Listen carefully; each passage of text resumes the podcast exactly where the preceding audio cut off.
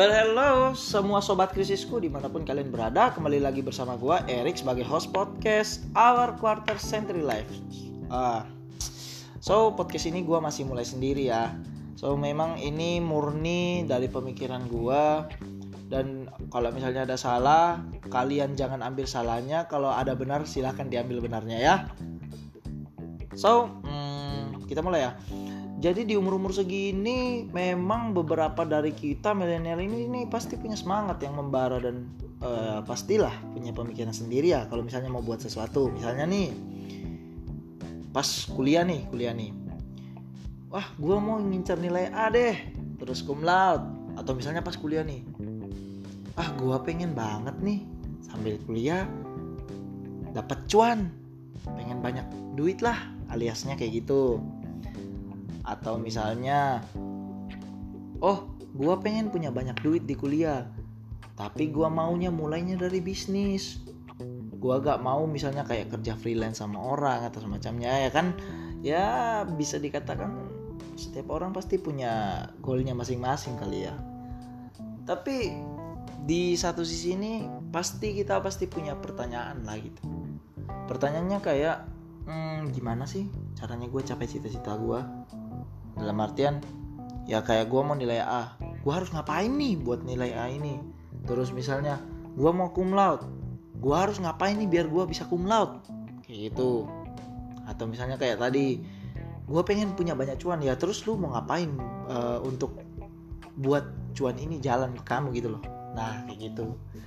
And then uh, mungkin satu pertanyaan lagi yang bakal menghantui kita kayak contoh kalau misalnya kita pengen misalnya nih kita pengen mulai bisnis di kuliah pas lagi kuliah tapi kita ini nggak punya modal gitu loh. Uang jajannya selalu kepake habis. Nah kalau mau mulai bisnis kan pasti otomatis ya harus punya modal yang pertama. Nah kira-kira kalau misalnya nggak punya modal kita ngapain dulu nih? Nah istilahnya kayak kita sudah ber kekeh kekeh dalam mau bisnis tapi gak ada duit ya kita harus ngapain? Misalnya kerja freelance dulu. Padahal tadi di awal udah ngomong gak suka freelance. Atau tetap kekeh misalnya pinjam uang bank atau pinjam uang saudara kayak untuk mulai bisnis. Nah gitu. So di sini uh, bakal lebih membahas soal pemikiran yang idealis atau misalnya realistis. Nah, buat listener gua nih, um, gua mau nanya dulu deh, seberapa realistis sih kalian? Atau misalnya seberapa idealis sih kalian? So kalau dari gua, gue cerita dulu deh.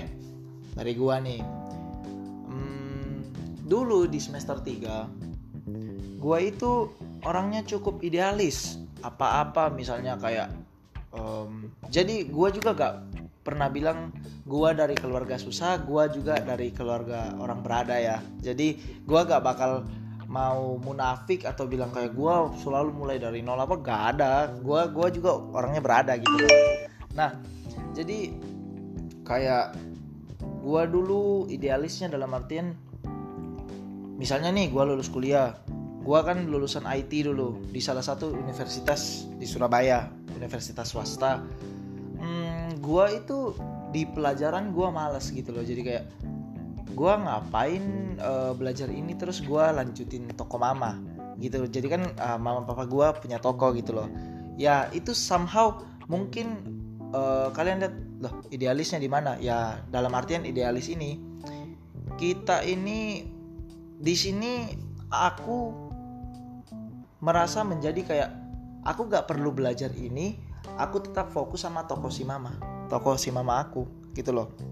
Gue merasa di situ pemikiran gue cukup idealis karena gue gak mau terima hal yang baru.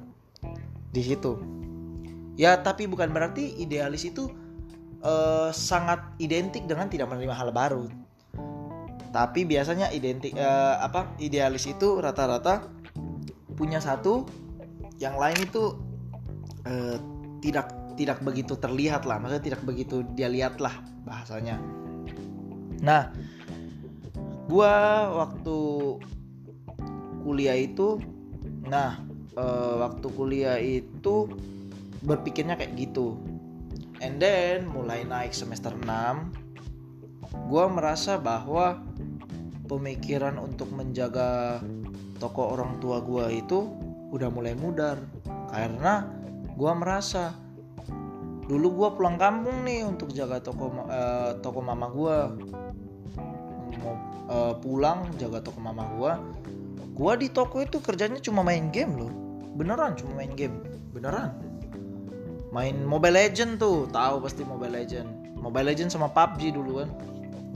Main Mobile Legend dan PUBG sembari gue punya mimpi gue pengen jaga toko mama gue gue pengen lanjutin toko mama gue tapi gue kok gak ada usaha untuk lakuin itu ya kan?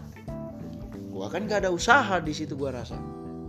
Artinya gue rasa di situ pertama kalinya gue rasa oh gue gak punya passion kayaknya di sini. Karena gue gak sama sekali gak pengen tahu itu barang-barang apa di sana. Cuma pengen nikmatin hasilnya aja di zaman itu and then di semester uh, itu aku berpikir aku pengen kerja apa nih? Di dunia IT jadi aku dulu kan kuliah IT dunia di dunia IT aku merasa aku cukup gagal. Dan uh, aku sama sekali nggak bisa code selama kuliah. Percaya atau enggak aku sama sekali nggak bisa coding. Aku cuma banyaknya nontek di teman uh, minta di teman.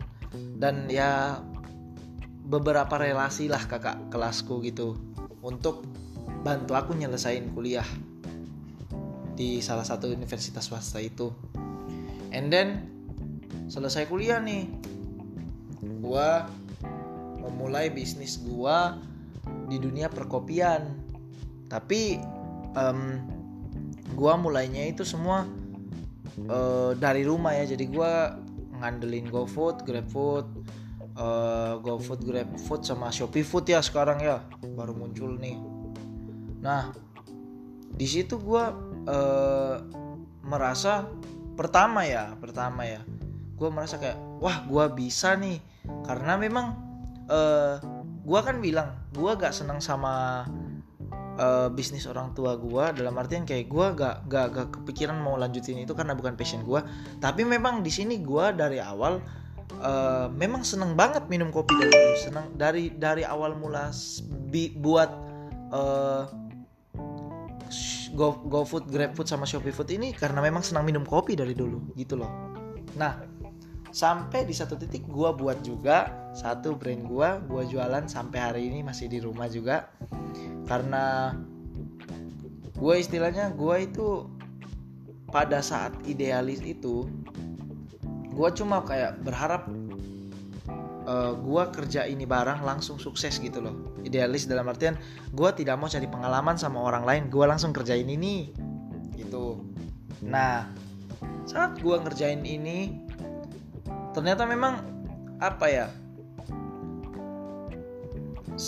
gue merasa bahwa pengalaman kerja gue dan pengalaman istilahnya ketahanan dalam bekerja juga itu berkurang.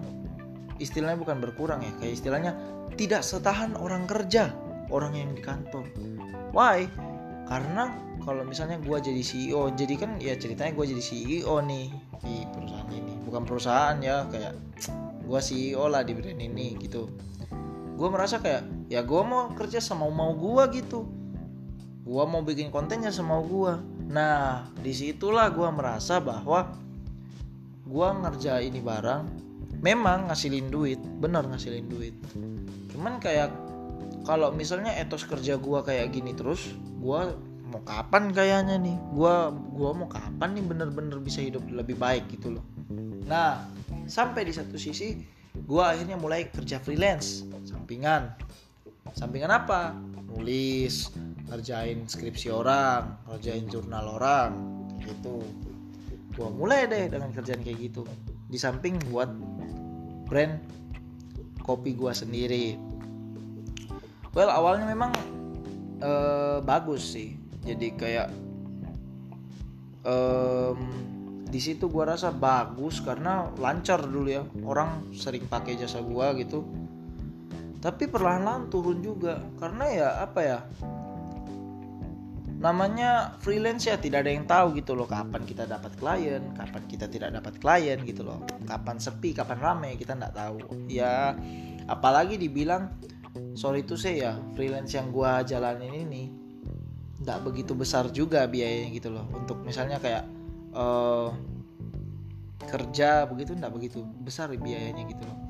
So uh, di samping freelance juga gua ngajar les gitu ya sambil ngajar les juga gue langsung artinya gue multi job ya.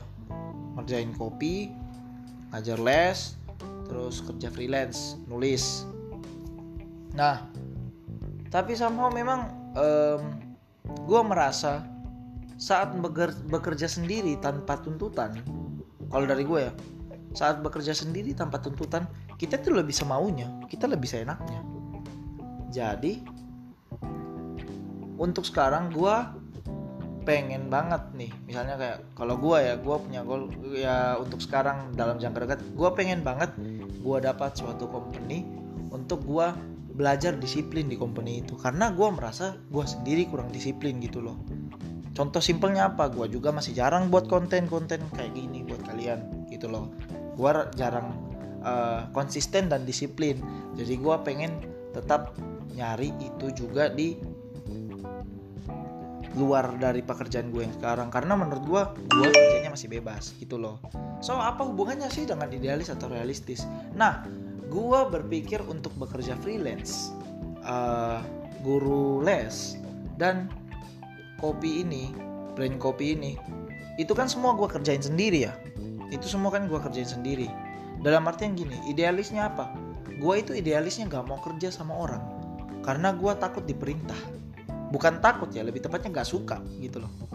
Nah tapi di sini akhirnya gue sadar kalau gak ada yang perintah gue tapi gue tidak disiplin dan tidak konsisten terus gue mau jadi apa dong?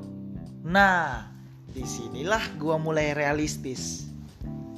Nah kenapa gue bilang gue mulai realistis? Sekarang gini um, saat gak ada orang yang istilahnya kalau dari gue ya gak ada orang yang menjadi role model kita.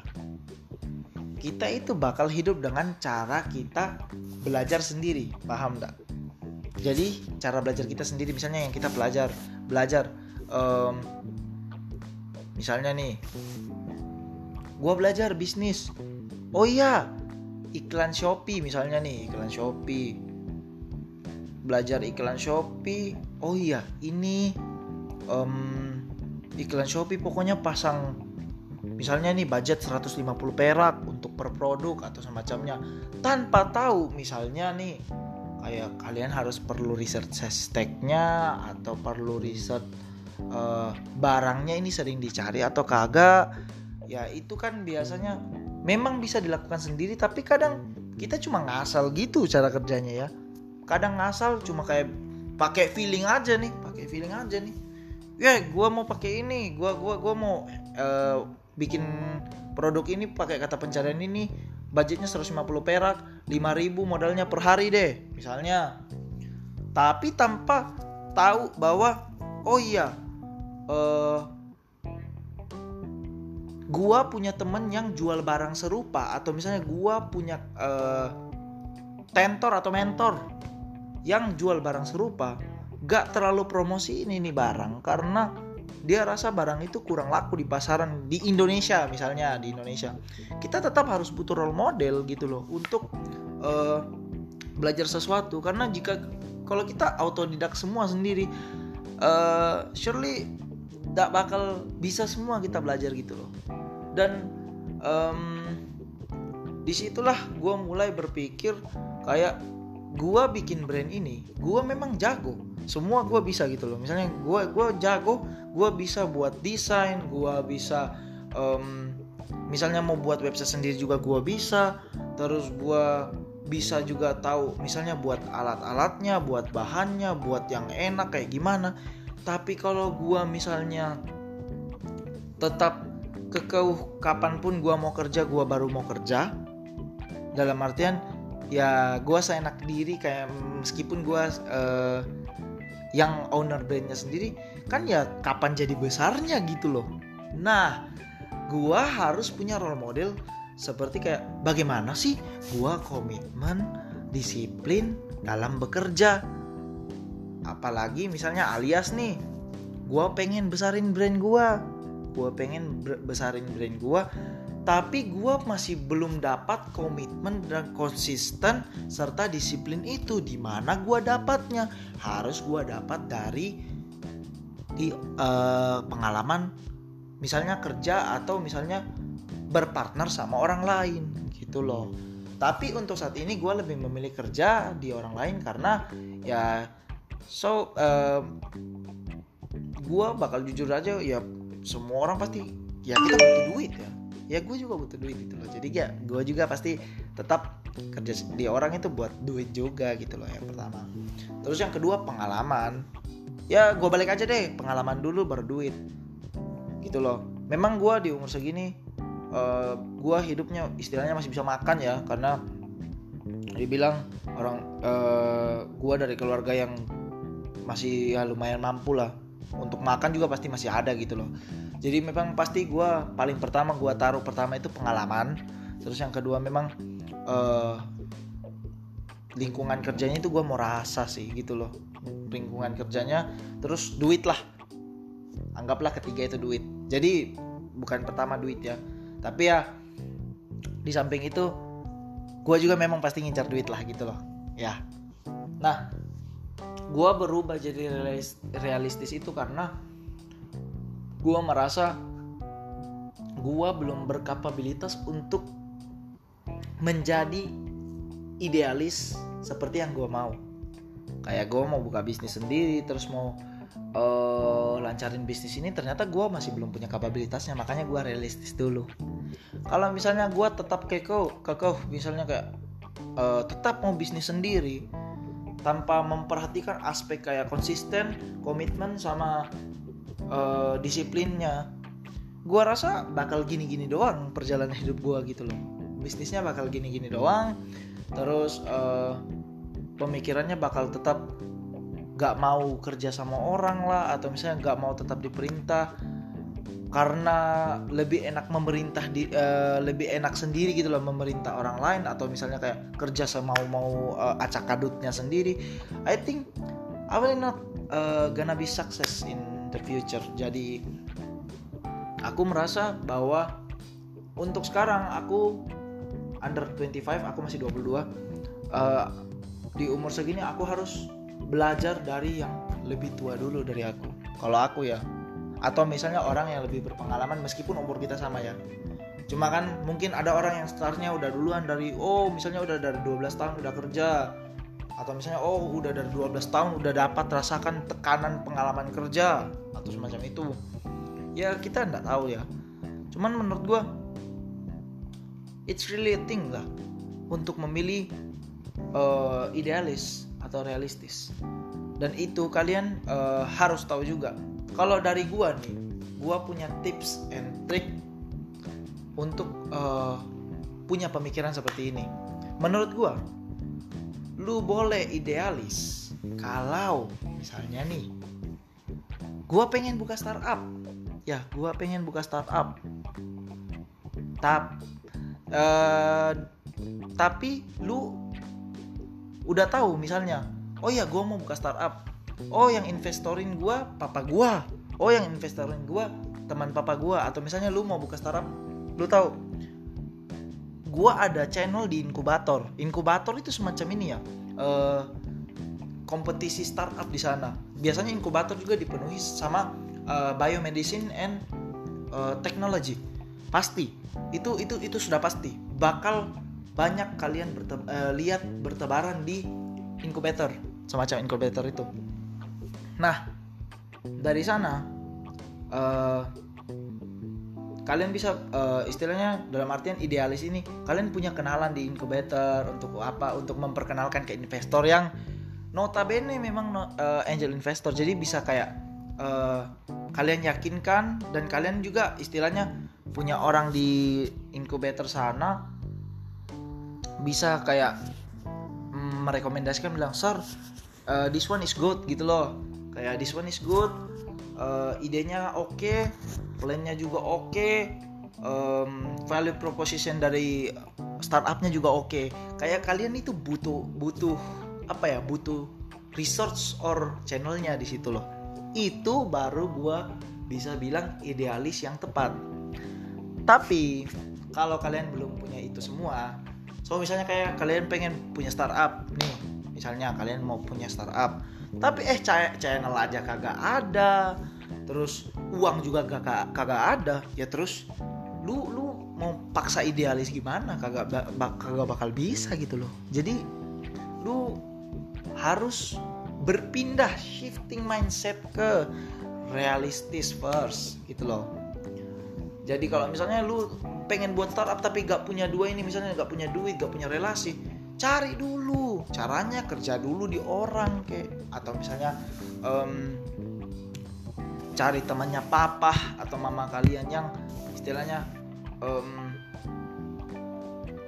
bisa kalian ajak kerja dulu kek. Gitu loh. Dalam artian kayak kalian kerja di bawahnya dulu kalau misalnya dia belum kenal kalian gitu loh. Nah itu gue bilang namanya realistis. Kalau idealis dalam artian yang tadi misalnya kayak oh misalnya nih kalian bilang loh bukannya yang tadi kita ceritakan itu adalah idealis ya? Yang gue bilang realistis. Terakhir itu yang gue bilang uh, kenalan sama teman papa kalian. Beda kasus dong. Kalau misalnya itu teman papa kalian yang kalian udah kenal baik dan kalian terkenal istilahnya uh, good attitude dan uh, good image lah sama mereka. Pasti mereka langsung percaya gitu loh. Paham gak? nah kalau misalnya ini yang gue bilang teman papa kalian yang memang really kalian tidak paham gitu loh tidak kenal. Nah itu yang gue bilang harus realistis. Kayak misalnya minta kesempatan bilang om gue mau kerja di tempat om nih. Boleh ndak? Gue uh, gue pengen uh, kembangin juga bisnis bisnis om kayak gitu. Istilahnya kita help people lah biar kita juga dapat kredibilitas dari mereka. Nah makanya dari itu gue bilang kalian harus benar-benar berhati-hati dan lebih uh, lah dalam memilih prinsip kalian untuk uh, prinsip atau pemikiran kalian untuk realistis atau idealis. Karena memang itu sungguh berat ya menurut gua. Itu sungguh bener uh, itu sungguh berat di awal-awal kita apalagi mau baru masuk ke 25 tahun itu sungguh-sungguh berat. Seriously. Karena gua udah rasain sendiri dari gua idealis pengen uh, lanjut di toko mama gua dan tetap tidak mau diperintah sampai pada akhirnya gue sekarang um, menjadi uh, menjadi apa ya gue menjadi seseorang yang pengen banget uh, bekerja di bawah orang lain untuk belajar disiplin, komitmen, konsisten dan juga mengumpulkan niat gitu loh untuk bekerja. So dari situ gue akhirnya ya di umur 22 gue ini ya which means ini bakal akhir tahun ya, ya tahun depan gue 23 sih. Gue bakal tetap kepada prinsip realistis gue untuk mencapai tujuan gue dulu sementara. Karena gue merasa jika gue mau lakukan itu secara idealis um, gue harus punya resource-nya dulu gitu loh. Jadi untuk saat ini kalian harus nentuin pilihan kalian dengan teliti, dengan cermat, terus kalian juga harus ya dalam artian pakai feeling juga ya kalian itu pengennya kayak gimana gitu loh. Kita nggak bisa maksain. Lu kalau misalnya memang tetap mau idealis ya nggak bisa dipaksa. Lu bakal tetap jadi idealis. Tapi kalau lu mau jadi realistis ya nggak bisa dipaksa juga. Lu tetap bakal jadi realistis gitu loh. Jadi kalian yang bisa memilih sendiri.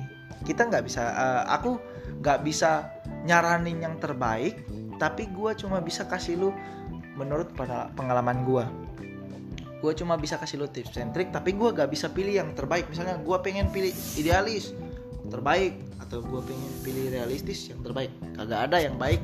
Semua itu adalah pilihan kita. Dan semua itu adalah um, perjalanan hidup kita.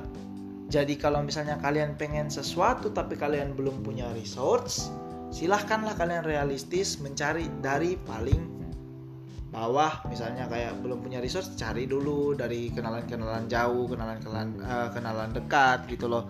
Biar kalian dapat resource. Kalau misalnya kalian mau idealis silahkan. Yang penting kalian udah yakin uh, resource kalian itu bakal tolong kalian. Itu aja sih kalau dari gua. So mungkin ini udah jam 9 lewat 12 ya. So mungkin kita bakal akhiri podcast kita di sini jangan bosan-bosan dengerin podcast gua hmm, aku harap podcastku bakal lebih mengeduket kalian di podcast-podcast berikutnya. Well, thank you sobat-sobat krisisku. Selamat malam.